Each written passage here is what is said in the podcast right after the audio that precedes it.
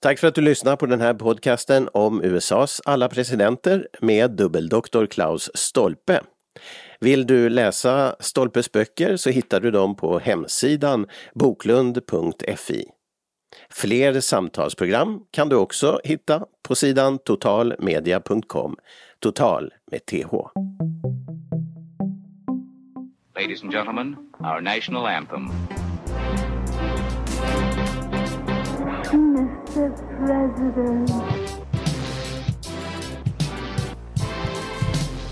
I, John Fitzgerald Kennedy, do solemnly swear I, Barack Hussein Obama, do solemnly swear. So help me God. Free at last! Free at last! Thank God Almighty!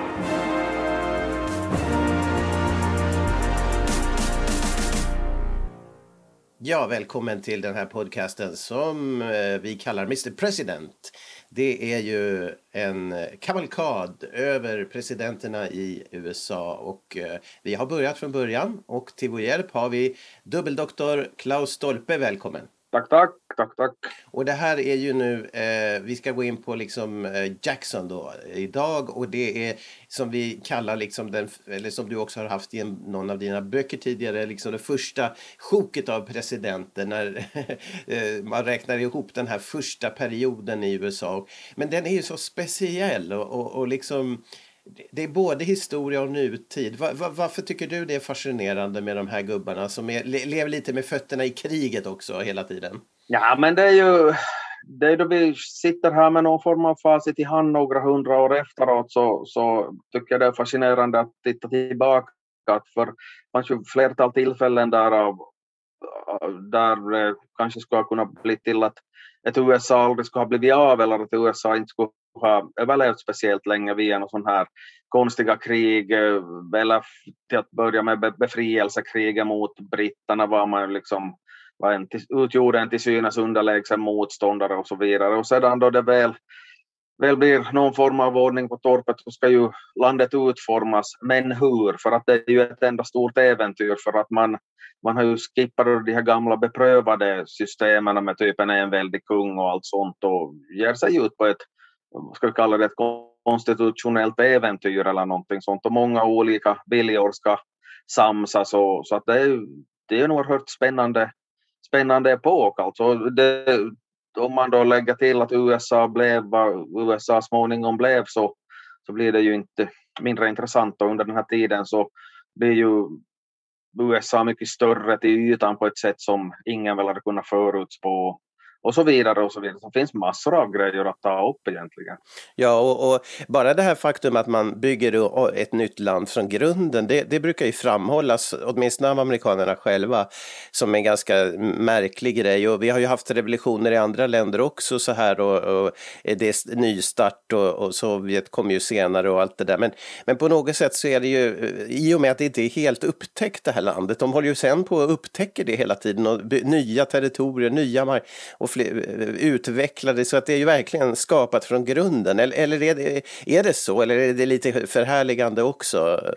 Nej, men då tycker jag att man lätt kan, kan liksom köpa den där versionen. Liksom, det betyder ju inte att man liksom beundrar allting som USA står för. Det är en helt annan diskussion. Men att, att, att vi har en, en sån här situation att, att vi har en del kolonier som gör sig fria från kolonialväldet så tidigt som, som i slutet av 1700-talet. Det är ju, mm. Jag menar andra kolonier som, som gör sig självständiga, vare sig vi talar om Algeriet eller Vietnam eller, eller massa länder nere i djupaste Afrika och, och så vidare. De, de, har ju också sin speciella historia och, och berättelse och allt det där, men att USA är ju så, så långt tidigare helt mm. enkelt. Så att de är ju unika i det avseendet.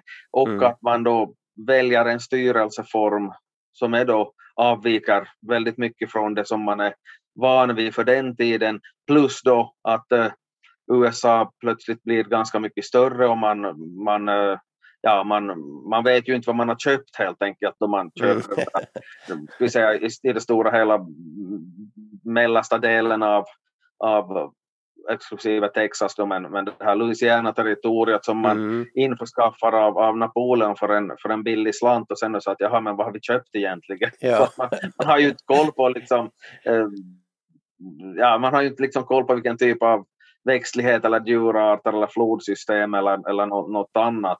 Mm. Att det sen beboddes av indianer brydde man sig inte speciellt mycket om för att de var ju inte de stod ju inte högt i kurs. Nej, nej precis. Och, och det gjorde ja. de ju inte hos Jackson heller om vi tar och kopplar till da, dagens president om vi säger så. Ja, precis. Det, det, ska vi ju komma fram till att det hände en del på den fronten. Och eh, vi är ju då vid sjunde presidenten, Andrew Jackson, född 1767 och lever ända till 1845.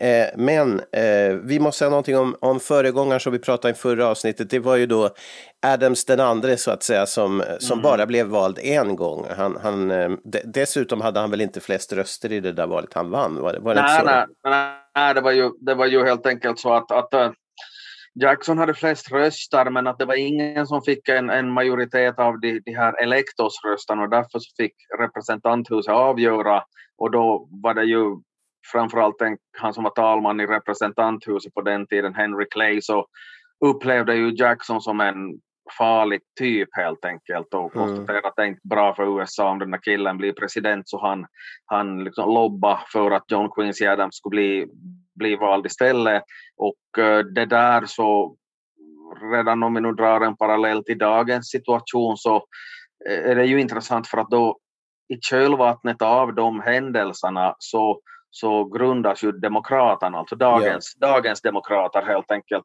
Det vill säga man, de som, de som uh, hade velat ha Jackson som president så, så konstaterar jag att de demokratiska spelreglerna hade liksom negligerats och, och, och man ville då betona att demokratiska beslut ska, ska liksom följas för att det var man tyckte att det hade begått ett fel. Man upplevde att eftersom Jackson hade fått flest röster så skulle han bli vald helt enkelt.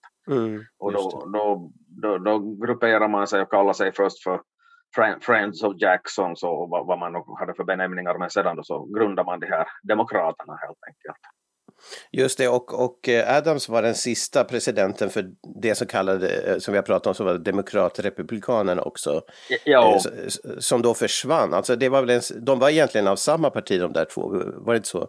Men, jo, men det här jo, blev en utbrytargrupp då med, jo, med de här Jacksons-vännerna. Mm. Exakt, för att att det här första tvåpartisystemet så då talar man om, om federalister å ena sidan och demokratrepublikaner på den andra, andra sidan och federalisten hade dött ut redan tidigare och mm. uh, i, i det där valet då 1824 då John Quincy Adams vinner så är det ju fyra kandidater som står mot varandra men de är ju från samma parti helt enkelt ja. och, och då, då, då bryter sig Friends of Jacksons ur och bildar Demokraterna och sedan de här andra som, som uh, så kallar sig då först nationalrepublikaner och småningom Whigs, men att de, de försvinner sen på 1850-talet då republikanerna dy, dyker upp istället. Så att, att det, mm. Jag tänkte säga det är lite rörigt, egentligen så är det inte så rörigt för att, att det, det är väldigt sällan som det har kommit nya partier i USA. Och, eh, ja. och jag menar nu då i, i 170 år så har vi haft de två samma som har dominerat. De har ändrat skepnad väldigt mycket men att det ändå ändå. De har varit väldigt skickliga på att se till så, man inte, så att det inte har dykt upp några nya starka partier på, på den politiska arenan. Ja, just det. Eh, och när Adams då, eh, John Quincy Adams, eh, i hans, under hans period, då är det en fråga som åtminstone han har haft som hjärtefråga och det är slaveriet. hur långt har han kommit med den frågan? Alltså att det är ja, fel helt enkelt. Egentligen så, så det, det hör en senare period till därför att, att uh, Adams var inte så aktiv på den punkten medan han var president mm. uh, egentligen. Uh, men att det intressanta med, med John Quincy Adams är ju att han sen fortsätter att bedriva en aktiv politisk karriär och är med i representanthuset i väldigt många år. Mm. Och ju äldre han blir desto mer tar han parti liksom för slaverimotståndet. Så att det, det är liksom snarare som ex-president som han, han, som han där profilerar sig på, på den punkten. För att ännu, det, det där är ju en fråga som växer oerhört i betydelse ju, ju längre man man kommer in mot mitten av 1800-talet för att sydstaterna och nordstaterna så utvecklas i helt olika riktningar så att, att mm. skillnad, skillnaderna mellan de olika landsändarna så blir, blir större och större men det är förstås grejer som vi kommer att återkomma till senare men att det är mm. intressant att följa den där händelseutvecklingen. Men det här med slavar och presidenter var ju, har vi ju tagit upp lite tidigare att ja men en president hade själv slavar men var mot slaveriet och, och det, det är ju, man måste ju se det med den tidens ögon så att säga tyvärr. Men, men hur var det då eh, när Jackson nu kommer som ny president, han tyckte inte sla, slaverifrågan var så, så, så viktig eller till och med var emot mot att ta bort det eller? Ja, ja, ja nej, jag tror att han, eh, han har ju inte profilerat sig på något vis som någon slavare. Han var ju, hade ju rötterna i djupa södern mm. också och, och, och, så vidare. Och dessutom rent, rent allmänt så, så jag menar det var ju en man behöver ju bara se på hans hans syn på, på ursprungsbefolkningen så kan man ju gott kalla honom för en liksom, rasistisk despot. Men mm. igen ska vi förstås, man, man, det blir alltid det där att man kanske ska vara lite försiktig med att, att se, se, se med dagens glasögon på, på gårdagens situation för att det är ju liksom en, en, en annan värld. Detta sagt utan att naturligtvis ta, ta slaveri i försvar på, på, på, på något vis men att det var andra tider och andra värderingar som, gällde helt enkelt. Just det. Den sista av USAs presidenter som i något skede av sitt liv hade ägt slavar så var Ulysses Grant som sedermera under inbördeskriget var liksom nordstats arméns främsta härförare mm. och sedermera då blev president efter kriget. Men jag menar, även han hade i något skede av sitt liv ägt slavar. Nu hörde han inte till liksom, plantagearistokratin i södern, men att det var väl något så att, att typ i samband med att han gifte sig så, så hade väl frun någon slav som kom med på köp eller no, någonting i den där stilen. Mm. Men, men bara som kuriosa, så det, det, det om något är ju någonting som beskriver det här Mm.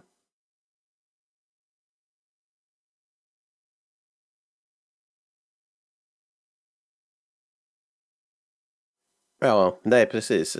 Ja, det säger någonting om den tiden och, och hur landet var och hur, hur det fungerar praktiskt. Men vi, eh, under Jacksons tid, du, du, du, nämnde det här med ursprungsbefolkningen och man brukar prata om uh, The Trail of Tears. Vad är det och vad var det för händelse?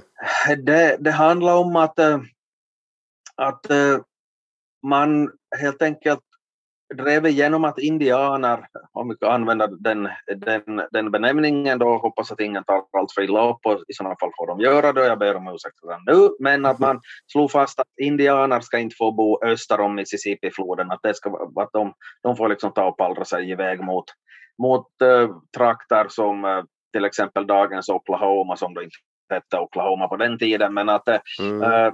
Och det där så, man hade ju dem att, att traska iväg då från Florida och Georgia och, och, och, så vidare. Och eh, jag menar de åkte ju inte lyxtransport utan de fick liksom, liksom pallra sig iväg bäst de kunde och med, med liksom kvinnor och barn och åldringar och allt vad som nu ingick där. Och eh, det dör ju förstås en massa människor längs, längs vägen. Och mm. Det kan ju jämföras med dagens flyktingströmmar eller någonting sånt. Att det handlar ju inte eh, bara om liksom umbäranden rent allmänt av att det är tungt att, att transportera grejer och, och, så vidare.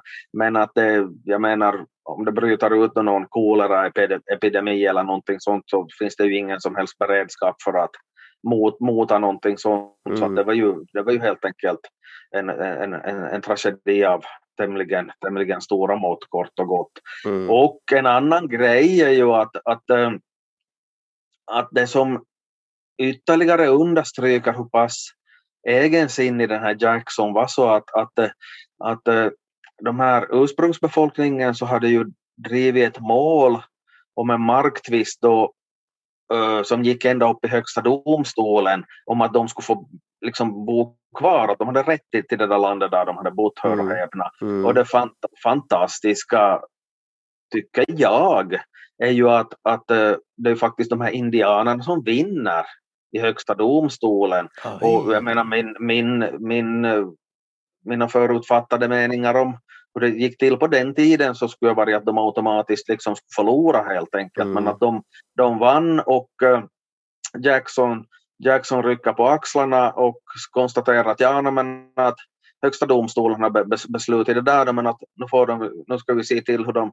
klarar av att genomföra den där domen också. Ha, ha, ha, ha. Och, och grejen är ju att där bryter han, ska, han borde ju blivit ställd inför riksrätt helt enkelt, Mm. för att, eh, att det, är ju, det är ju alltså inte Högsta domstolens sak att genomföra. Det, Högsta domstolen har den dömande makten, Mm. presidenten har den verkställande makten, så grejen är ju det att det är ju presidentens sak att lyda det som Högsta domstolen beslutar, men han, han skiter ju i det på, Mm. på, ren, liksom på, på ren gatusvenska. Ja.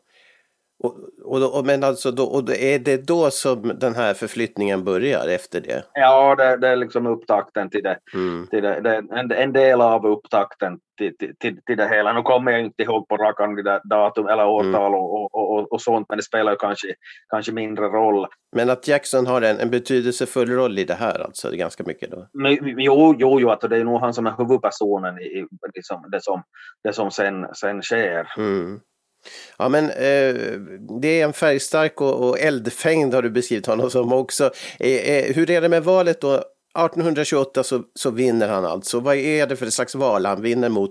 Mot det också Quincy Adams som är ju med då i sin andra omgång och, och förlorar alltså. Jo, han försöker ju då bli, bli omvald, men att eh, han har ju då sitt anseende ganska fläckat efter, e- efter den där gången då han vann. Mm. För att eh, han har ju då, efter att han har vunnit, så har han utsett den här Henry Clay till utrikesminister, alltså den som låg bakom lobbandet, den här talmannen i representanthuset. Mm. Och eh, det såg, uppfattades av många som då ett bevis på en corrupt bargain, alltså att, att, att, det, att det har gått, att det finns skumrask i bakgrunden. Mm. Så att eh, och, och det här det betyder att den här John Quincy Adams så förlorar rätt stort och speciellt om man tänker på att den sittande presidenten brukar ju påfallande ofta bli om, omvalda i alla fall. Mm. Eh, Det, det finns nog sittande presidenter som har förlorat större. Eh, Jimmy Carter är ju ett bra exempel som förlorade jättestort mot Reagan 1980. Mm. För att ta, ta, ta ett väldigt konkret exempel från, liksom från lite mer modern, modern tid. Mm. Eh, Men, men det här, och sedan i följande val då Jackson ska bli omvald, eh, vad blir det då, 1832 Två, måste det bli. Mm. Ja.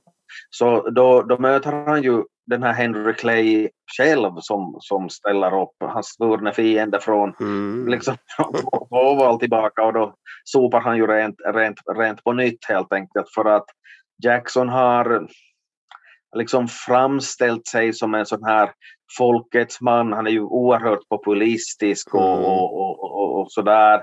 Och, eh, men, men grejen är det att han, det var vissa saker som han helt enkelt inte riktigt förstod sig på. Och, egentligen, och här ska man kanske också vara försiktig med att liksom, peka finger då man sitter med facit på hand. För han, han upplevde att, att banker är någonting väldigt skumt, att Mm. deras främsta uppgift är att lura småfarmare och, och, och så vidare. Så att, att då, då det kom då förslag om att man skulle inrätta någon form av, ska man nu kalla det nationalbank, för att, att, liksom, att man från centralt håll skulle kunna hålla koll på ränteläge och allt möjligt sånt. Så han, han tyckte att det, det, det är något lurt med det där och grejen är ju att det, det är väl ganska tydligt i efterhand att, man, att det hade behövts någonting liknande för att det, för, om jag förstått saken rätt, ganska, ganska, ga- ganska liksom ostrukturerat med liksom rättigheten att trycka pengar och så Ah, vidare. Och det, det finns, finns kanske, jag menar vi säger att i en, en delstat så får man för sig att ja, men vi behöver mer pengar så vi trycker mer. Det Ja, kanske, okej. kanske, Men, inte riktigt, kanske, kanske inte riktigt fiffigt. men, men det kommer väl en, en ekonomisk turbulens då efter att, som resultat av det här att han, men det är Jo. först efter att han har varit president som, Jo, alltså eh, lågkonjunkturer förr i tiden så, så i USA så bär ofta namnet Panic of och så ett årtal då den har utbrutit. Så att Mm. den här, att i, i, skulle man, vi har haft ett sam, likadant språkbruk i, på, nu för tiden så skulle jag kunna tala om Panic of typ 2008 då Mm. finanskrisen slog till i USA eller, eller Panic of 1929 då, då Wall Street-kraschen inträffade, men att man talar om Panic of 1837, mm. alltså, då, då inträffade en, en, en kraftig lågkonjunktur, och, men eh, då, då, var ju inte Jackson president längre, han var då den här folkkära killen som brydde sig i vanligt folk som hade hade liksom tackat för sig. Och hans efterträdare Martin Van Buren så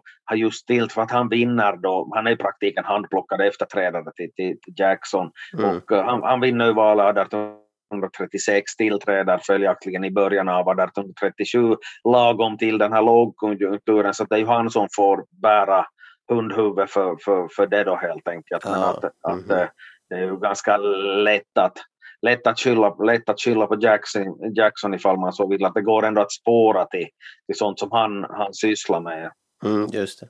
Men eh, de här, eh, det här, eh, ja, han vinner stort valen, båda valen ännu större andra. Första valet 1828, då vinner han stort mot uh, Adams och det, det, är något med fruarna, de, de smutskastar ju sen gammalt varandra där, men det finns någonting med fruarna på båda sidor som blandas in i leken här. Hur var det med det?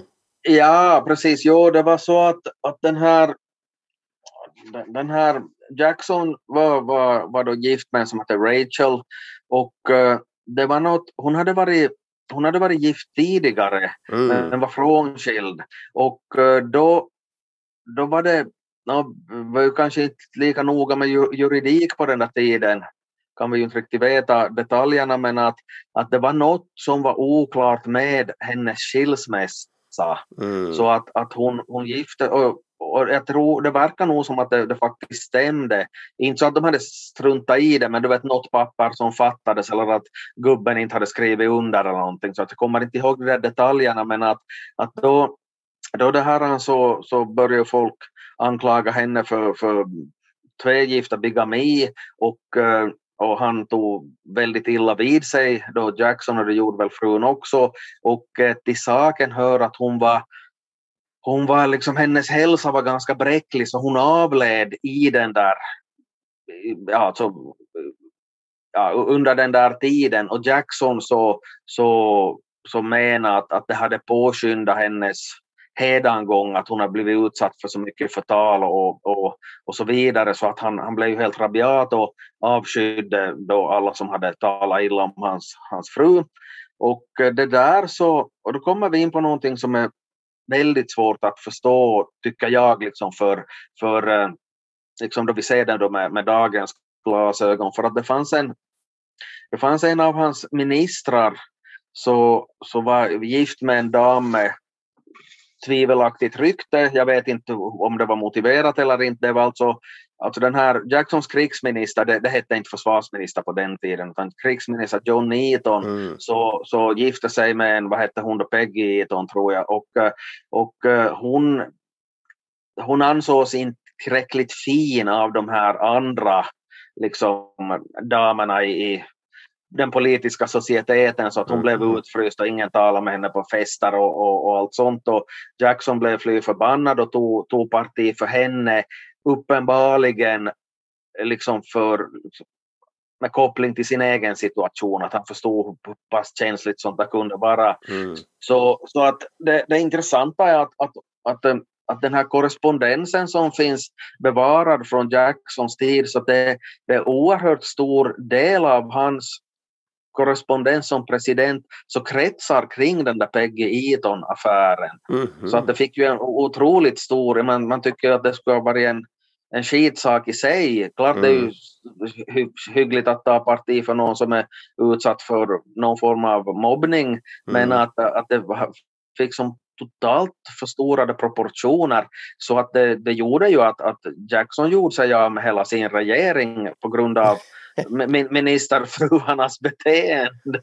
Okay. så, så, att, så att man, man brukar också tala om kökskabinettet därför att, att innan, innan han gjorde sig av med de där ministrarna rent formellt så hade han börjat ignorera dem och satt liksom hemma med med sina ja, kompisar eller förtrogna och, och diskutera centrala politiska frågor. Så att det var i själva verket de, som, de som han satt i, no, om de satt i köket i Vita huset ska väl, inte, ska väl vara orsak, men att det kallades för the kitchen cabinet, kök, köksregeringen, alltså en, en inofficiell regering som, som fick en massa inflytande för att för att Jackson inte tyckte om då John, John Eatons fru blev, blev mobbad av, av, av de, de, andra, de andra ministrarnas fruar. Det, det är ju det, är ju, det är ju alltså helt fantastiskt egentligen. Ja, men man, man, undrar hur mycket det här liknar det här med, som ju Trump också, vi återkommer till Trump uh, i det här sammanhanget, men, men just det där som han vände sig mot med det här politiskt korrekta, liksom någon slags eh, politisk klass i Washington som där, där man ska duga och man ska vara på ett visst sätt och man är med i en grupp och en klan och, och liksom det liknar ju det fast det, det är mera hushållsförhållandena här som gäller då, vilken fru man Eh, har. Och, Jo, eh, men- jo, jo, jo, jo, jo nej, jag, jag förstår precis vad du menar och det är ju föga förvånande så eller föga, ja, men, men eh, jag tyckte inte att det var förvånande då, då Trump tillträdde som president och då, då liksom satte han upp Andrew Jacksons porträtt i, i, i tjänsterummet för att det Mm. var den som, för att jag menar om det är någon modern president så att, utan att ta ställning liksom för eller mot Trump i det här sammanhanget så om det är någon av de av de moderna tidernas presidenter som påminner om Andrew Jackson så, så är det ju Donald Trump. Mm.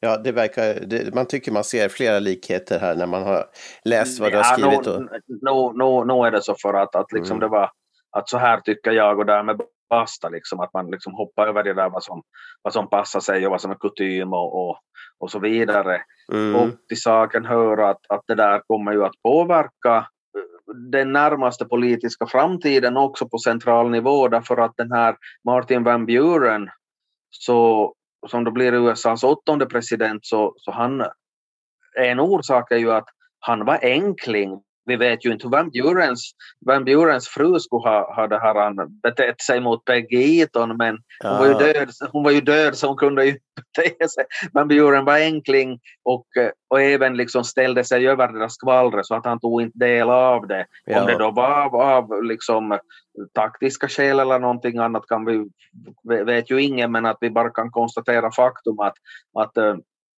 att Jackson konstaterar att Martin Van Buren är en, en, en bra typ helt enkelt och Mm. eh, där, därmed så, så, så, så, så lotsar han fram honom till, till, till att bli sin efterträdare helt enkelt. Det är ju klart att om, om, en, om en väldigt populär president går och säger att ni ska rösta på Henrik Thorsson nästa gång så får Henrik Thorsson en hel del röster som han kanske inte skulle ha fått ifall den här presidenten skulle ha sagt att Henrik snattar i bybutiken. Nej, just det. och han var enkling, då passade han in i det här sammanhanget. Men Jo, jo, jo, jo, för att han hade ju liksom, han, han slapp ju en del av det där problemet helt enkelt.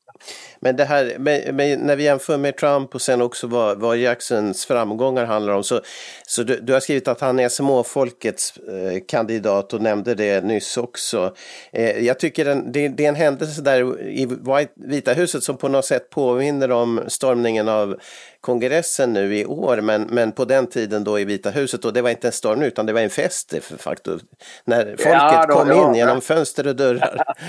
Ah, det, jo, jo, det där var ju ganska speciellt för att eh, må, många var ju då glada över att folkets man hade blivit vald då, Mm. då, då Jackson väl, väl vann den där första gången där 1928 så att, att då Jackson for då till, till Vita huset så, så kom ju folk dit. Ja, liksom tog, tog sig in och de var ju inte helt nyktra och så vidare. Så tillvida är det ju en, ska man väl inte dra parallell till stormningen av Kapitolium för att de var ju inte liksom där för att protestera mot någonting utan tvärtom för att fira. Mm. Så att, men att det var ju, blev ju en del förödelse och, och, och, och det, här, det här själva festföremålet då, alltså Jackson själv så klättrade ut genom ett fönster på baksidan och smet därifrån. För Ja. här kan man ju inte vara. Och eh, inom personalen så var man ju väldigt rationell så tillvida att man samlade ihop den sprit som fanns och, och eh, bar ute på gården. Mm, så att, smart. det, då, då, var det, då var det ju väldigt, då var det inte lika kul att vara, där, vara inomhus längre eftersom, eftersom drickat fanns fanns, i, Ja. fanns utanför så att man, så att man, man liksom fick ut folk på, på det viset och sen då barrikadera dörrarna och lå- låste och så vidare så att de kom ju inte de kom ju inte tillbaka sedan men att det var ju en något, något märklig händelse om vi nu ska diskutera presidentinstallationer. Så, Ja. så det var ju, Det är, här är min granne här vars bin här så de rymmer ju och då ska man ju fånga eh, den gamla drottningen och då följer alla bina med så att tar man den gamla Ja, drottningen ja, så precis. kommer de tillbaka. Lite samma. ja, ja, ja. Men, men att folk uppskattade Andrew Jackson, han, han, det var, handlade om hur, varifrån han kom och det handlade om vissa heroiska insatser under krig också, eller hur? Han, han var folkets man på många sätt. Jo, dels liksom med, med sin eh, aggressiva hållning mot typ, typ banker och Mm. sånt. Och där, det var ju då förstås så- sådana som var skuldsatta så hade ju, och tyckte att de hade blivit lurade av banken så, så det var ju lätt att ta parti för en sån som Jackson. Men han, han var ju känd från, från från det här Mr Madisons War som vi har, det där 1812 års krig som Ja, vi ja. har varit inne på tidigare. För eh, det är nämligen så att alltså det där kriget så, så pågick från 1812 till 1814, Mm. riktigt i slutet av året. Men då var det ju lite paradoxalt, eller inte så lite heller, för att, att eh, innan man har kommit tillbaka liksom- de här fredsdelegaterna kommit tillbaka från Europa och berättat att nu, har, nu, nu, vi, nu lever vi i fred, vi, är inte, vi krigar inte mot Storbritannien längre, så, så inträffar någonting som har gått i historien som slaget vid New Orleans, det Mm. vill säga vid Mississippi-flodens mynning. Och där vinner amerikanerna en oväntad seger mot britterna. Men och det är alltså Andrew Jackson som leder de amerikanska styrkorna kort, Ah. kort och gott. Mm. Men, men gre grejen är ju att, att det är i, alldeles i början av 1815 så att, att eh, fredsavtalet är ju redan underskrivet men att det, nyheter färdades ju inte så himla Mm. så himla snabbt på den tiden så att det är ju, det är ju ganska märkligt att, att ett, ett, ett slag som ju sen visade sig vara helt onödigt så, så blev då hans helt enkelt språngbräda till framgång därför att, att eh, han, han blev då kri- krigshjälten helt enkelt. Men med facit i hand så, så fast de skulle ha förlorat det där slaget så det skulle inte spela någon roll för att fredsavtalet var redan undertecknat. Mm. Att, eh, Men lite, lite för sent i alla fall. Ja, li, li, Eh, ja, li, li, jo, jo, jo, jo, jo, precis. Men att det, det, så att det är ju en, det är en lite sån där lustig detalj. En annan lustig detalj är att jag, jag faktiskt besökte det där slagfältet och eh, New det Orleans. var, ja, det var, Jaha. det var intressant men det här mest bestående minne var att jag höll på att törsta ihjäl för att, att det var sk- sk- skitvarmt. Det var i augusti, det var en, en varm sommar och jag vet inte om, om, de, om det var lite dåligt ställt med försäljningen av, av läsk eller vad det var. Men jag, jag, bara, jag bara minns att man, man, man ska ha behov av 10 liter vatten där. Men att, att, det är lite synd att det är det som är det bestående. Jag vill ju understryka att det där är det där är ganska många, eller det är väldigt många år sedan för att det var, det var redan under studietiden. Jag for med, Mm. for, for med en kompis till USA. Vi, vi hyrde en bil i fyra veckor och i stort sett körde omkring på måfå. Kul resa men den, den hörde inte till den, till den mest detaljplanerade resorna som, genom historien. Men, men, Men, eh, kul, kul, kul i alla fall. Ja, men lite lidande från slagfältet. Men den här, eh, du nämnde ju att nästa president som kommer, eh, Martin van Buren, var faktiskt vicepresident. Men vad var omständigheterna till att han blev ju vicepresident för att Jackson blev ovän med sin riktiga vicepresident? Var det inte så? Jo, den som var från början så, så var en, en kar som, som det här han, eh, som hette Calhoun. Eh, och eh, det var en, det, det var en kar som var, han, hur ska vi säga, han, han, var, han var lite lik han var lite lik Jackson helt enkelt, så han, han kunde liksom ha åsikter om att någon eh, lagstiftning om importtullar som, som han tyckte var dålig och så försökte han driva igenom att det, det gäller inte i, i South Carolina. Eh, Och jag menar det är ju lite konstigt om man har en riksomfattande, det är ungefär som om Tavastland inte skulle vara med i EU eller någonting. Det, Ja. det där var kanske lite tillspetsat men att i, i, alla fall. Och, Åland. eh, Ja, ja men precis. Så att, men, men, men det här, då hade också den här Calhoun låtit påskina att South Carolina kanske skulle träda ut ur unionen och, och, och någonting sånt och varpå Jackson svarar med att, att eh, hota att, att hänga, hänga sin egen vicepresident för landsförräderi. Och det är ju, det är ju ganska tillspetsat. No, Trump mm. höll ju på att ställa till en del för Pence också, men det är ju en annan sak. Men att, yeah. att släpp, släpp, i, det, i, i det fallet genom att släppa pöbeln på, på, på Pence, men att, att det, det, är en mm. det, jag vet inte om det är en bra parallell eller dålig parallell, men att det var nog bara något som slog mig. Men att eh, men det här med att avskeda sina egna är ju ett tema i alla fall. Ja, ja men precis, där har vi nog verkligen, verkligen likheter också mellan Trump och Jackson. Men att, att sedermera på sin ålders höst då, då, då Jackson blev tillfrågad ifall det var något som han hade ångrat, så då, då var mm. det att, att, han inte hade låtit hänga den där Calhoun. Men att den där Calhoun så var ju nog alltså uppenbarligen alltså så att han fruktade för sitt eget liv då det var som mest tillspetsat. Ja, okej. Okay. Ja. Ja, det är, det är hårda bud eh, i, i, maktens korridorer kan man säga. Eh, när han hade blivit president så blir han utnämnd till hedersdoktor. Uh, vad var det bak? Det var lite intriger med det där. Ja, ja precis.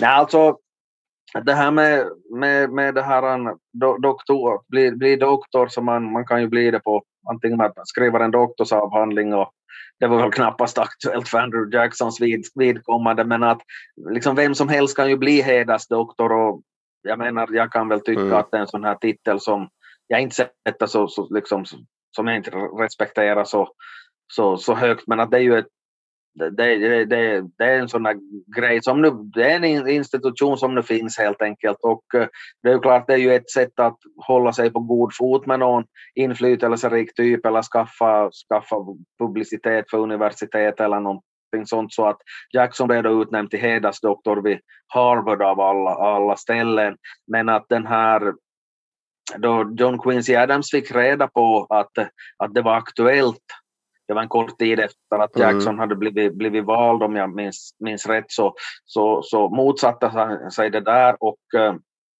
och motiverade med att, att, att, att Jackson är en barbar som knappt, knappt klarar av att skaffa, stava sitt eget namn. Så det är ju det, det, det, det här är inte så, inte, så, inte så bra.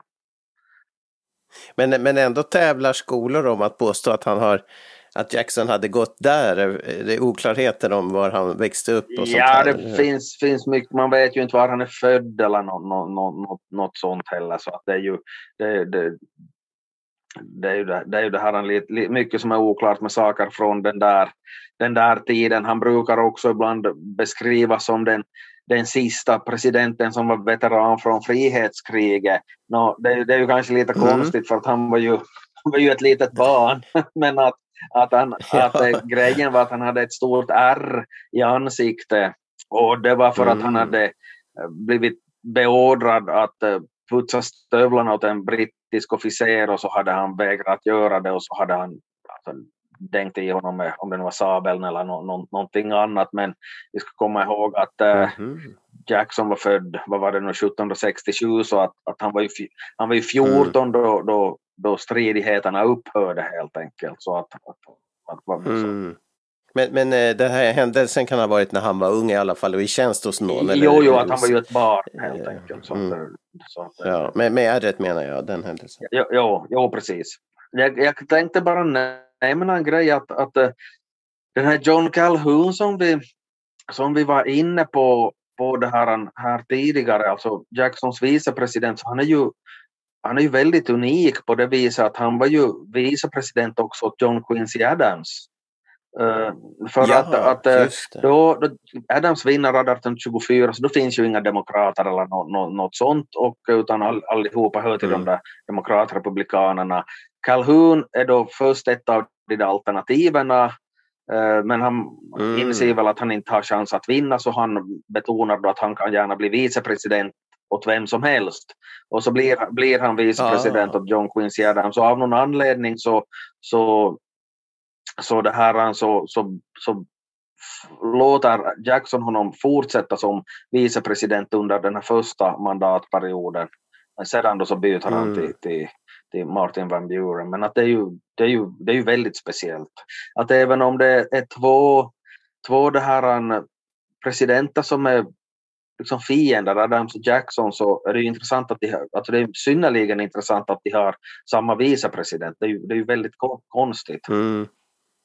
Ja, det kan man tycka idag också. Och, och, men, och då är det inte så konstigt heller att det blev ju en schism. Så, eh, det, det tycks i alla fall nej, inte vara så nej, konstigt, nej, men vi vet ju inte om det nej, har med nej, det att precis, men att, och ja. egentligen utlösande faktorn, men det var ju de här tulltarifferna och att Calhoun började tala om att, att, att, South Carolina kanske inte skulle höra till USA längre och så, så vidare, men att det är ju det, är ju det här det, det, det, är ju, det är ju väldigt speciellt helt enkelt. Mm. Det här med att han, man inte vet var han var född och det är två skolor som tävlar om att säga att han är från North Carolina eller South Carolina där de ligger och, och sen eh, att han anses vara liksom eh, uppfattas som anspråkslös på något sätt. Eh, i, i, men vad, vad, kan man säga? Eh, och samtidigt har vi berättat hur han är eldfängd och han avskedar sin vicepresident och, och, och driver ut indianerna från, från Mississippi-området och det här. Men, men alltså, kan man, vad, vad kan man säga? Eh, eh, det, det, han är inte en katastrof? Nej, nej, nej, egentligen inte, utan han är ju, alltså, han var ju oerhört omtyckt av sin samtid. Nå klart att så, sån stil, stil mm. som han hade så, så var det ju många som avskydde honom också men att, att, att han vinner ju liksom väldigt överlägset och, och så att det var ju mm. nog en folkkär president och, eh, och sedan också om man vill diskutera på vilket sätt han löste samtidens problem så då redan blir det svårare mm. därför att det gick ju inte dåligt för, för eh, USA så länge han var president. Sen den där lågkonjunkturen så, så kanske han slipper eventuellt lite väl lindrigt undan i, i, i historieböckerna men att det är ju nog en, det är ju en, en oerhört liksom nog han hör ju nog till de, de legendariska president, presidenterna ändå. Att, eh, att han, mm. jag menar, han finns på tills vidare på vad det 20 dollar sedlarna eller det är så länge sedan jag varit i USA.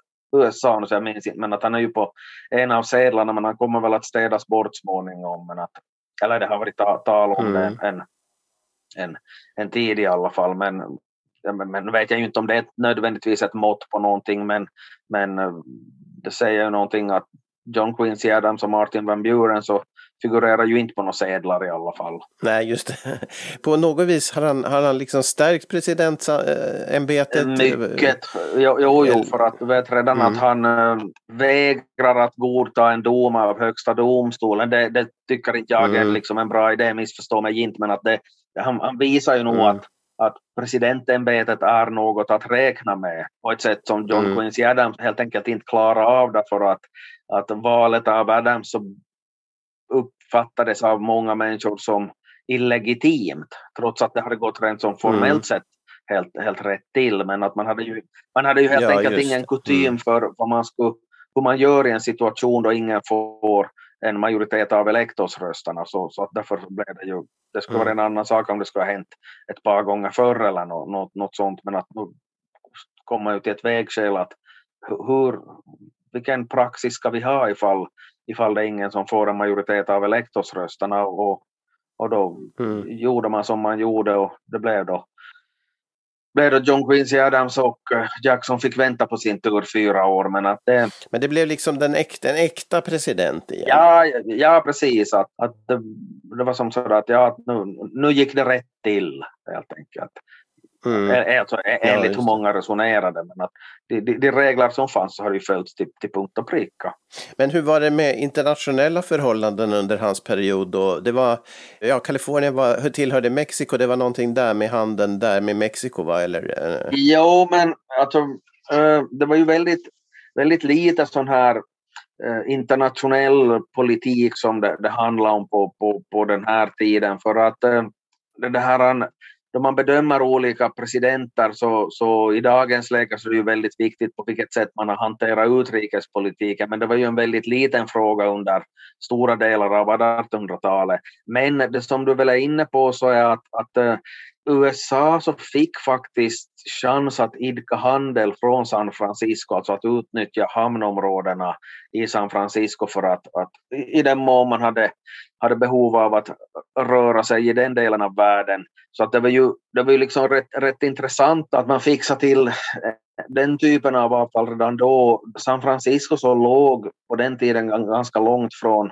USAs gräns helt enkelt. Mm. Okej, okay, upp i norr, norr så, så hade man ju Louisiana-territoriet som sträcker sig ut i princip nog till, till, till det här uh, Stilla havet där uppe i, i liksom på gränsen till dag, dagens gräns mot Kanada helt enkelt. Mm. Men det är väl kanske inte lika goda förhållanden där alla tider på året eftersom det ligger så pass långt norrut. Att man, man fick till stånd en deal med, med Mexiko, ett, ett, Mexiko som i och för sig var ganska försvagat vid den här tiden och, och, och det tog ju inte sen speciellt många år innan, innan USA expan, började expandera på nytt och efter ett krig mot, mot, mot Mexiko på 1840-talet sen så, så blir ju USA än en gång betydligt större än tidigare. Mm. Lite, lite speciellt är det ju nog att man, att man, att man det här, redan, redan vid, vid den där tiden under Jackson började idka handel från San Francisco. Omfattningen så känner jag inte till, den var kanske inte så himla stor men att man kanske vill kalla det där för ett en kuriositet men, men i alla fall lite, lite speciellt. Men det var, det var oro över att USAs ställning internationellt skulle påverkas av det där, eller hur?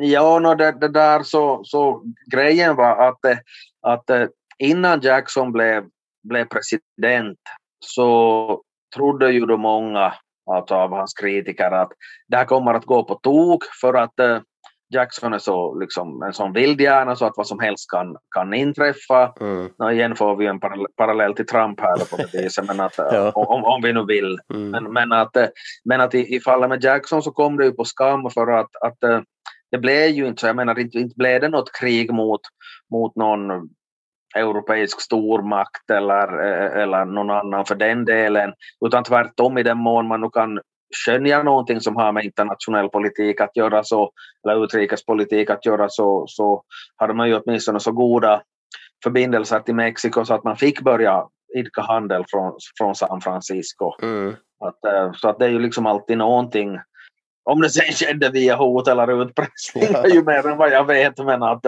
men att, eh, och för den delen så vet jag inte hur mycket som Jackson hade rent personligen med den där saken att göra. Men jag menar det är ju också en, en, en förmåga att välja rätt, rätt rådgivare som man skickar iväg för att sköta, sköta om avtal med en främmande nation. Eller om vi talar om företagsvärlden, att, att inte behöver ju vdn vara med om allting, men att det gäller mm. ju att, att se till som man har ja, rekrytera rätt personer för att få till stånd affärsuppgörelser och annat.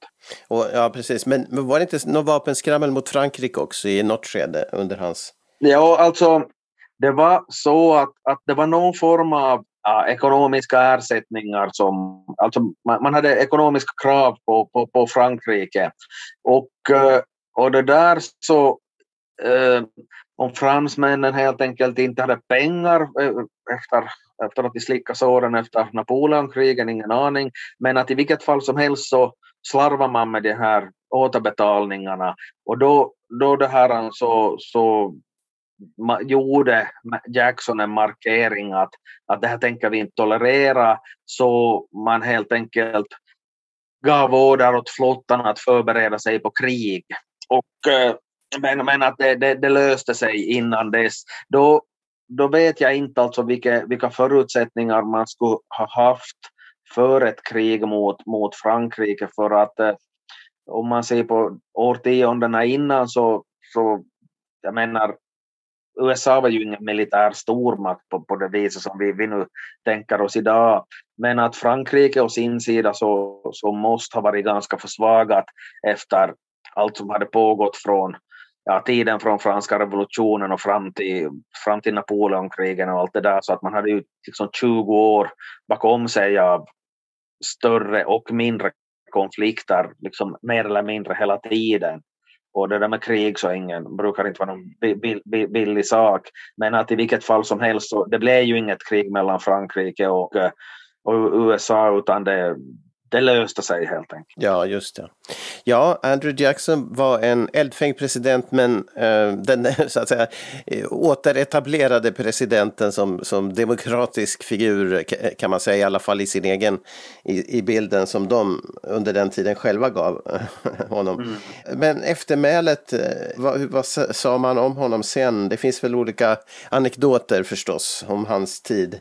Ja, men de här skrönorna, man vet ju aldrig om de, om de är stämmer och sen kan de säkert förekomma i olika versioner och med olika personer som, som eh, huvudrollsinnehavare men att det var i någon, någon sån här söndagsskola av något slag uppe i New England där uppe i nordöstra USA så, så hade de då bibelkunskap och det var det här med Kain och Abel och så, och, och, och, och, så vidare. Och så var det någon, någon pojke som fick frågan om han visste vem det var, vad som hade dödat Abel. Och och, och den här då så, så han svarade General, ja General Jackson, okay. and, and, and, Andrew Jackson. Och, eh, och det här. Men jag menar, det där är ju den typ av, av, av berättelse så att, att det kan det kan ju lika bra ha varit att uh, någon i Sverige har sagt namnet på någon politiker mm. eller, eller, eller, eller, i Finland för den delen. Att, att, uh, jag, ska inte, jag ska kunna hitta på ett fiktivt exempel men då tror någon att det, att det, att det har hänt på riktigt men att, ja. att det, det, det, är den där typen av, av story som man kan tänka sig att upprepa sig i olika sammanhang och, mm. och, och, någon kanske minns fel och så säger de ett annat namn. Och så, men att det, det, det är det här det är lite, lite, lite, lite småkul men att man, man, man vet ju aldrig. Nej men var han så svart, var han sån otäcking eller inte? Det är svårt att säga på ett sätt. Och det blir väl så med, med de här som är, har energi och vill förändra men på gränsen liksom till, till någonting som man kan tolerera. Jag menar som du nämnde det där med högsta domstolen och sen att, att peta ut indianerna från sina marker och hela den biten. Och man vet ju inte, det är en annan tid. Han var eh, krigsman, eh, han var hårdför kanske på visst sätt. Det, det, är väldigt svårt, men han, helt, helt eh, färglös var han ju absolut inte i alla fall.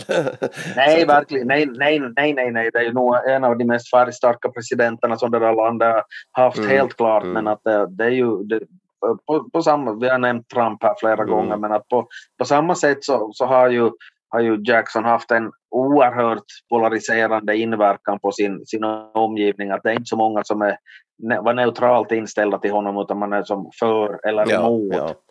Det, det, det, det, märker jag att om man jämför liksom litteratur eller synen på, på, synen på presidenter som kan förändras efterhand mm. och uh, efterhand så skulle jag säga att det, Jackson är en av de som liksom börjar få ett sämre anseende i historieböckerna. Mm.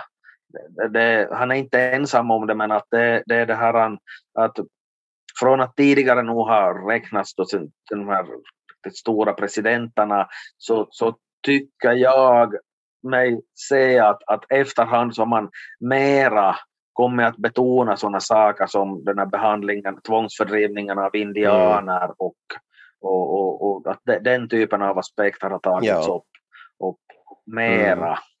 Det, kan ju nämna annars, uh, no, jag, och mina, jag och mina märkliga detaljer, men uh, i samband med den här Trail of Tears då de där uh, indianerna fördrevs västerut så de, jag räknade upp här att det var gamla och barn och kvinnor och män om vartannat. Men bland de som fördrevs så fanns ju även alltså färgade slavar för att indianerna hade en del slavar, ah. vilket man ju kanske inte skulle, skulle tänka sig för att, att äh, enligt stereotypin så, så den som äger slavar är en, en vit, fet, otäck man. Jordens avskum, men att det var ju, det var ju de enda som... Så det fanns, fanns även färgade som, som kom med i den där fördrivningen helt enkelt därför att de ägdes av indianer. Oj, vad intressant. Okej. Okay. Vi har, kan man säga då, avverkat de sju första presidenterna. Kanske det är legenderna, eh, legendarerna eller de legendomspunna omspunna presidenterna eh, som, som vi inte ser eh, någonting av förrän det kommer en Abraham Lincoln sen. Vi får se, vi får se. Men, men de är ändå, de tillhör det där första sjoket med lite skimmer över. Och man, man kan undra om inte Jackson är den som är den första som riktigt träder ut ur Washingtons skugga, tänker jag. Han, eh, han är ju eh, efter Adams, den där första Adams som då verkligen var i Washingtons skugga. Sen kommer sonen Adams som, som är liksom steget på väg ut ur Washingtons skugga mm. och så är det Andrew Jackson som, som i alla fall eh, i det att han har varit så stor och hyllad förut. Att, ja. att undrar om han, har, han är den som har frigjort sig till slut från, från traditionen samtidigt som vi säger att han tillhör den, den gruppen på ett vis. Men... Ja, jag förstår hur du menar. Att i och för sig Thomas Jefferson som räknas ju till de här riktigt stora mm. presidenter. Men han jo, var ändå tidsmässigt så pass nära Washington mm. så att även han är, är där i, i skuggan. Och, och av de här sju första presidenterna så det har de ju gemensamt att liksom vem som helst av dem skulle kunna klanta till sig och, och så skulle vi inte haft något USA överhuvudtaget. Så, så, så, att, så att det är liksom, eh, så att man kan ju också säga att att uh, det här kanske är lite överdrivet men att, att uh, Jackson då kan räknas till de här föregående presidenten, en grupp alltså av, av de som, ska vi kalla det, konsoliderar USAs ställning, att slår fast att det kommer att finnas något som heter USA mm. även, även fram, framledes. Och ja. Man kan också se, nämna en sån här detalj att av de här sju första presidenterna så så att det är ju bara far och son Adams som får nöja sig med en mandatperiod. De andra så blir, blir ändå valda två gånger. Mm. Sedan så, så kommer det en, en, en tid då, då, vi, då man inte är van vid att folk sitter i åtta år. Att de ja, antingen, antingen då får nöja sig med en period eller väljer att nöja sig med en period eller något som i Lincolns fall så, så blir han ju omvald men han blir ju mördad ganska rätt omgående. Så att vi får ju, mm. vi får ju gå flera årtionden fram i tiden innan vi hittar en som blir vald två gånger och faktiskt sitter sitter i, i, i åtta år, det vill säga Grant som blir vald 1868 och, Oj, okay. och 1872. Men att innan dess så, så är det som en hel drös med presidenter som är eh, ganska kortvariga, för flera av dem liksom dör också av... av... Och, och, det som vi är vana idag, att man är två år, att man förväntar sig det idag? Ja, men nästan nog alltså att, att, äh, att det är ju faktiskt äh, Clinton blev ju vald 92 efter att, att uh, Bush den äldre hade suttit bara en period. så, mm. vi, vi får, så att från här senaste valen då, uh, då, då Biden besegrar Trump så får vi gå 28 år tillbaka i, i tiden för att hitta hitta följande exempel på, på, på någon, som, någon som bara har suttit en, en period. Så att. Men okej, okay, avslutningsvis, sju presidenter har vi lyckats med din fantastiska hjälp eh, gå igenom och liksom öppna dörren till att eh, många som lyssnar om, blir kanske intresserade av att, att själva sen gå vidare. Och då finns ju dina böcker eh, om eh, dels Trump, eh, alltså eh, Trump och hans värld där det ju också finns en del om de, ja, Trumps placering i jämförelse med de andra. Och sen den amerikanska drömmen där du går igenom presidenterna lite som vi gör. Eh, vad är Klaus Stolpes egen personliga favorit eller de två favoriterna av dessa sju? I första hand number one förstås. Så som ledare för det här landet in i vardande. Ja, alltså, jag ställer väl själv de andra i, i skuggan av Washington också i och med att eh, mm, men, mm. men det här ska man nu ta någon annan så, så Jefferson tycker jag att det är intressant på, på många sätt. Liksom det, sätt, det sätt som mm. landet blev dubbelt större med ett penndrag utan att man behöver avlossa ett enda skott och så vidare. Ja, just det. Mm. Sedan förstås kan vi diskutera hur länge som helst att det, det handlar ju om en, en, en en helare som köper någonting av en tjuv. Alltså. Att det, det är ju liksom inte ja. indianerna som ger utan det är Napoleon som säljer åt, åt så att men den, den folk, folkrättsliga principerna så skulle vi kunna eh, diskutera hur länge som helst, ja men att, att eh, i termer av mm. sån här vad som är intressant och mindre intressant så tycker jag ju att, att uh, Jefferson är en väldigt, väldigt spännande person. Mm, just det. Ne, stort bibliotek, nedtonad lite eh, och så vidare. Vi, vi pratade ju om honom då i tidigare avsnitt så det kan du som lyssnar återkalla genom att lyssna på det på totalmedia.com i serien Mr President. Det här var som vanligt fantastiskt vilket privilegium att få höra dubbeldoktor Klaus Stolpe berätta om detta. Tack så mycket Klaus! Tack så mycket, tack så mycket!